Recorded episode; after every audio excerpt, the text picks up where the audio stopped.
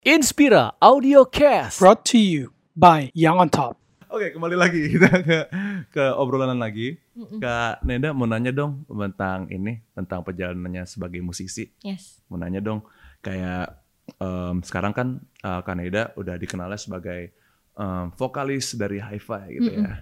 Mau nanya dong Kak, eh, selama berkarya nih dalam sebuah eh, band ini, eh, gimana sih pengalaman eh, suka dukanya menjalani eh, Hi-Fi dan ada nggak sih yang bisa di-share ke Yoters Mm-mm. dari pengalaman Kaneda yang bisa jadi pelajaran lah dan bisa jadi motivasi? Apa ya? Eh sebenarnya kalau misalnya ditanya suka duka eh, menjadi musisi di dalam grup musik hi-fi, eh, kayaknya nggak fair kalau misalnya aku bilang aku ngerasain tuh susahnya banget hi-fi kayak gimana. Karena pada saat aku join, hi-fi itu sudah 8 tahun.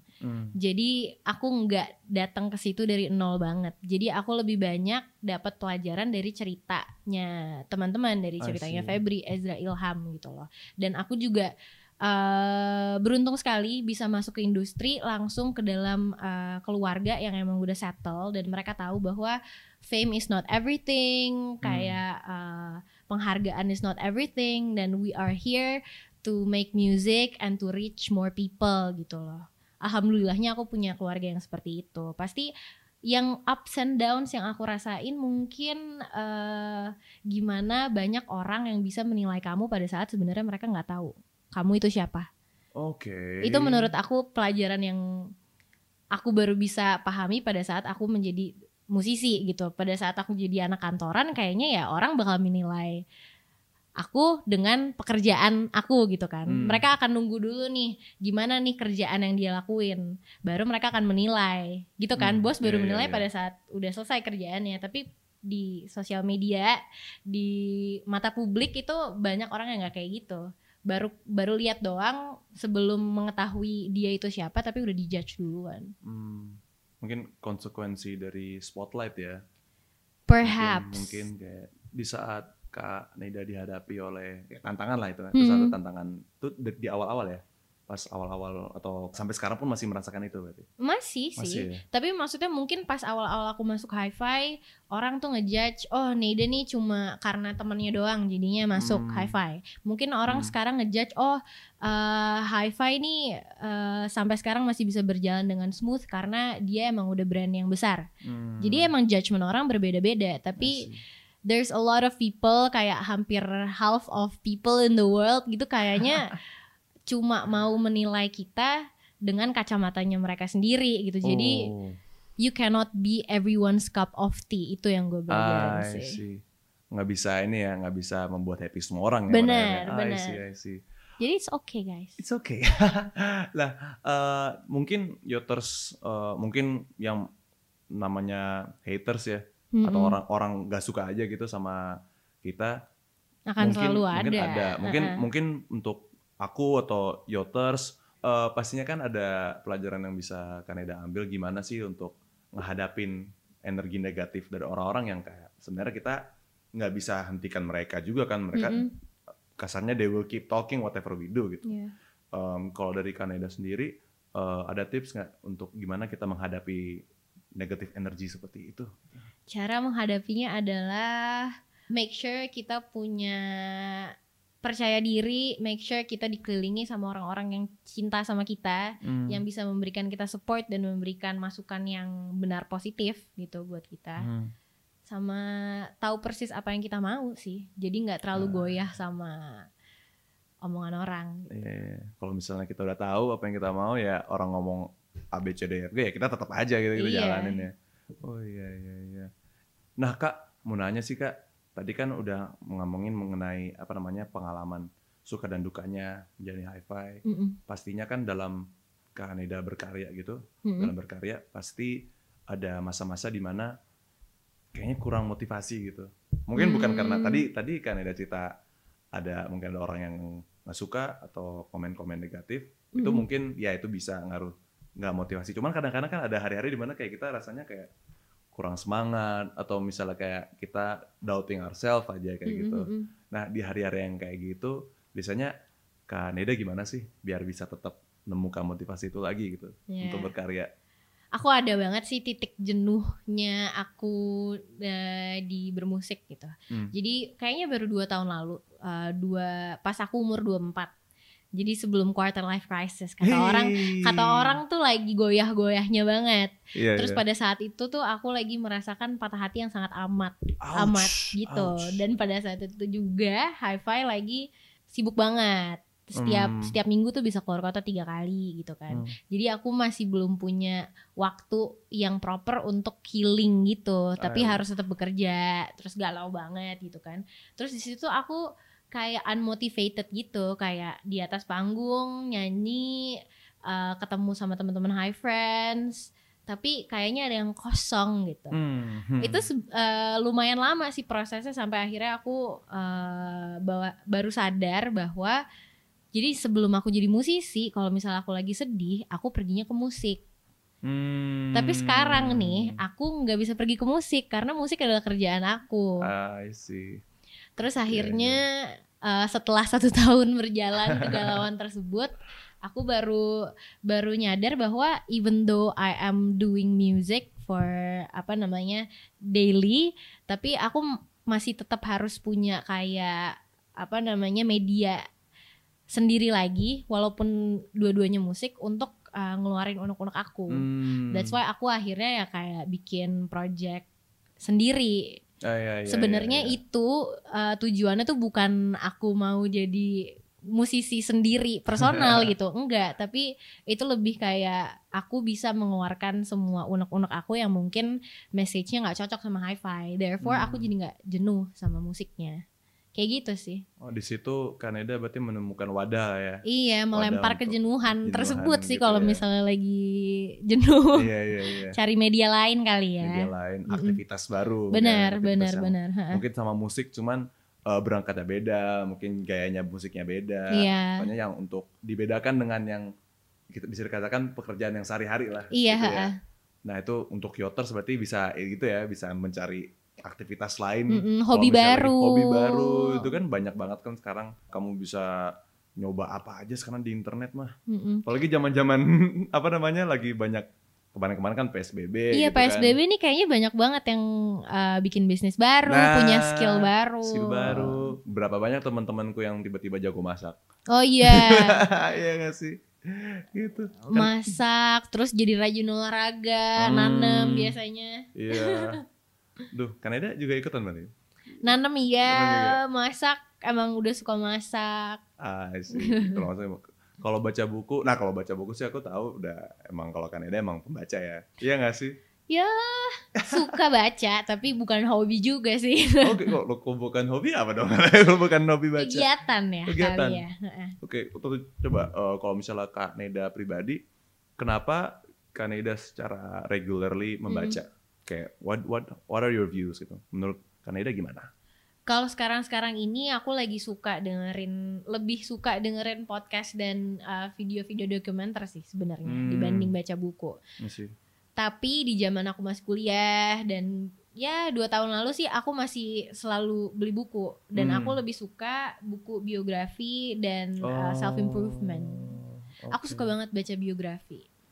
Oke oke jatuhnya jadi ini ya, jadi inspirasi buat Kaneda sendiri nggak sih? Iya, Lihat-lihat kisah-kisah orang banget. lain. Self improvement ya tuh fix banget itu untuk mengembangkan diri sendiri. banget Oke, banget oke, aku oke. suka ngeliat gimana orang-orang hebat tuh biasanya pasti punya punya drama kehidupan masing-masing gitu loh Iya iya iya. dan salah satu pelajaran eh, yang penting banget nih di hidupku dulu aku diajarin sama almarhum papa Hmm. bahwa kalau misalnya ada sesuatu yang buruk terjadi di hidup kamu tuh nggak apa-apa itu berarti kamu akan eh, dinobatkan menjadi orang hebat sama Tuhan nantinya Wih. Kenapa? Karena berarti nanti kamu ada yang ditulis untuk bikin biografi. Kata Wow, papa kayak yo, gitu.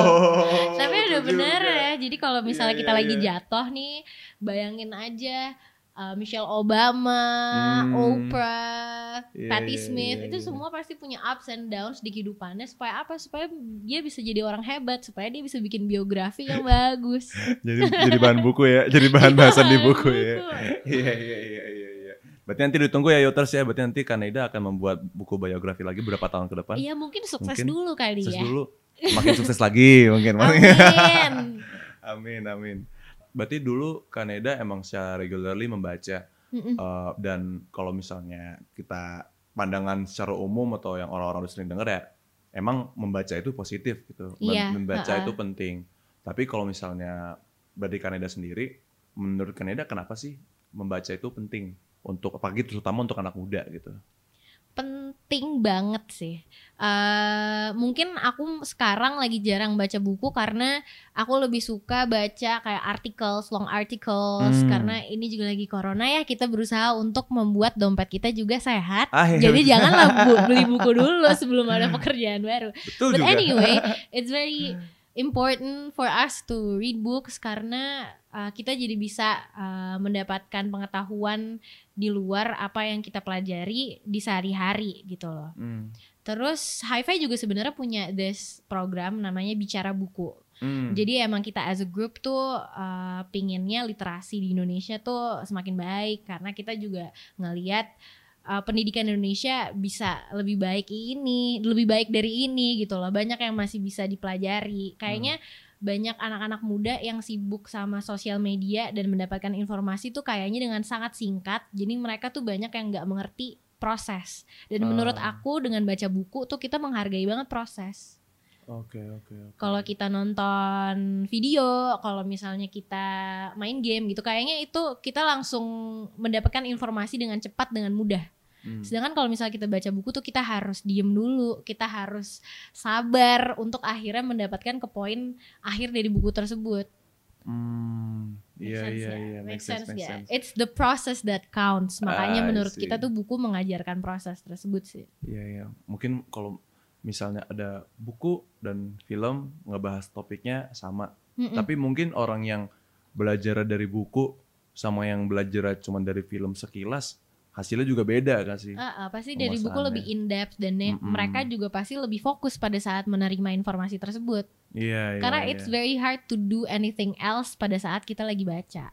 Iya iya. iya, Beda yes, dong yes, sama yes. nonton kita bisa sambil makan popcorn, Oh, sambil ngecek Handphone, bahkan ya udah nonton buka Instagram terus kayak ngapain nonton iya benar-benar. Iya iya iya. Oke jadi itu bisa jadi insight ya buat yoters kalau misalnya yang masih malas baca. Eh, bukannya bukannya bukannya mau ngejudge atau apa, tapi alangkah baiknya gitu nggak sih. Boleh lah ya. Boleh lah dicoba gitu. Dicoba lah. Coba aja membaca. Nanti juga yang merasakan hasilnya kan kamu juga sendiri kan. Bener. Bisa Jadi nanti. makin sabar kalau sering baca buku. Ini sabar. Kita lihat aja kakek nenek kita yang Iya. emang cara cari entertainmentnya zaman dulu adalah baca buku, mereka lebih sabar kan dari kita Betul yang betul betul. millennials ini. Apalagi masa-masa kayak gini emang butuh sabar. Bener. Sabar ya. Kita nunggu vaksin Nah, ya. Siap. Sabar ya guys, sabar ya guys. Keep apa? Keep holding on. Anjay. Keep going, keep going strong. Nah ini sampai sini kita udah ngobrol sama Kaneda. Uh, Yoters uh, udah bisa menilai sendiri ya kalau misalnya Kaneda tuh ya emang orangnya. Ngomongnya Eh, muter-muter. Well, that's one way to put it. Maksudnya, tadi aku mau, ta- tadi aku mau bilang orangnya apa multi layer ya banyak aspek banyak hal tentangnya tapi ya kalau Kepalanya misal- berantakan nih guys. ya selain itu juga humble berarti kan Amin Eh, aja gitu. deh. Nah, tadi berarti Kaneda udah juga senang membaca dan lain-lain halnya gitu. Mm-mm. Nah aku eh, mau nanya tentang satu hal juga tentang Kaneda, which is background Kaneda ya, secara bahasa kakunya akademis. Yo. Mungkin kalau misalnya Yoters ngedengerin musisi atau band favoritnya, em, mungkin kalian nggak kepikiran atau nggak muncul di benak kalian kalau misalnya mungkin musisi favorit kalian itu punya background mereka em, eh, sekolah tinggi, mereka ternyata em, bachelor, mereka mereka sarjana gitu dalam misalnya bisnis manajemen misalnya gitu. Oh, ben- oh ya Kanada ya, Kanada, Kanada juga Oke, ya. Oh, baik, baik, baik, baik, boleh, boleh. Aku pengen nanya sih gak apa Iya. mungkin minta insight ya. Eh, soalnya at this point bisa dikatakan Kaneda itu secara profesional seorang musisi. Ya Iya, kan musisi tapi juga punya latar belakang eh, kuliah bisnis manajemen gitu. Mm-mm. Nah, eh, dari pengalaman Kaneda, ini kan situasi yang unik ini em, apakah eh, ada perspektif atau pandangan tertentu dari Kaneda terhadap pendidikan formal seperti kuliah? Apakah yang dulu dipelajari ada benefitnya dari yang sekarang aktivitasnya dijalanin walaupun beda bidang gitu? Gimana kak? Banyak sih Banyak sebenarnya ya? ya yang bisa dipelajari tapi mungkin bukan pelajarannya eh, bukan dari teori-teori yang aku pelajari di kampus kali ya lebih Hmm. ke gimana kita bisa jadi orang yang disiplin gimana kita Ah. bisa jadi orang yang enak bekerja sebagai kelompok gimana cara kita menghargai orang yang punya pangkat lebih tinggi dari kayak kayak kita gitu kayak uh, pelajaran berorganisasi juga aku belajarnya dari pendidikan formal sih Ah iya iya. dan iya. even though katanya musisi itu adalah seniman yang katanya seniman itu uh, hatinya bergejolak susah untuk diajak profesional tapi sebenarnya di masa ini sih harus banget karena even though we're musician kita nggak cuma artist doang bukan cuma seniman doang kita juga business people yang emang kita Hmm. makan dari karya kita jadi kita harus tahu tuh cara memanage karyanya supaya bisa menjadi makanan buat kita gitu. Iya, gimana iya, iya. cara marketingin musik yang memang kita udah buat supaya bisa nyampe pesannya ke teman-teman. Hal-hal seperti itu yang aku pelajari di sekolah di kuliah. I see, bisnis I gitu sih. Jadi, jadi tetap ya walaupun nggak plok-plok nggak plok-plokan, tetap ada skills, tetap ada kayak kebiasaan, pengetahuan yang pada akhirnya juga eh, kepake juga ya pakai karena prakteknya. even though mungkin banyak yang nggak tahu hi-fi Hmm. itu sebenarnya bukan eh, grup musik yang di bawah label besar kita tuh sebenarnya band indie walaupun bunyinya mungkin nggak indie ya tapi kita manajemennya kita ngurus sendiri semuanya kita independen sebenarnya. Oke. nggak pasti pada nggak tahu deh Sebesar kita itu? musisi independen Wow. Wah, tapi udah bisa impact sebesar itu, mang- manggungnya banyak dan kayak sepopuler itu dan tetap menyongsong title independent gitu ya. Berarti emang teman-temannya emang ini ya, emang capable ya. alhamdulillah Keren. bareng-bareng I see, I see. Jadi bisa disimpulkan kalau misalnya apa pun yang kita pelajarin Mm-mm. Itu pada akhirnya nggak akan ada yang sia-sia ya. nggak ada nggak ada nggak ada betul, betul. even though nggak kepake sekarang pasti di masa depan akan kepake Yo, jadi mungkin untuk yoters pada saat ini yang misalnya kuliahnya eh, beda sama yang sedang dikerjakan atau Hmm. misalnya beda industri, nggak usah berkecil hati.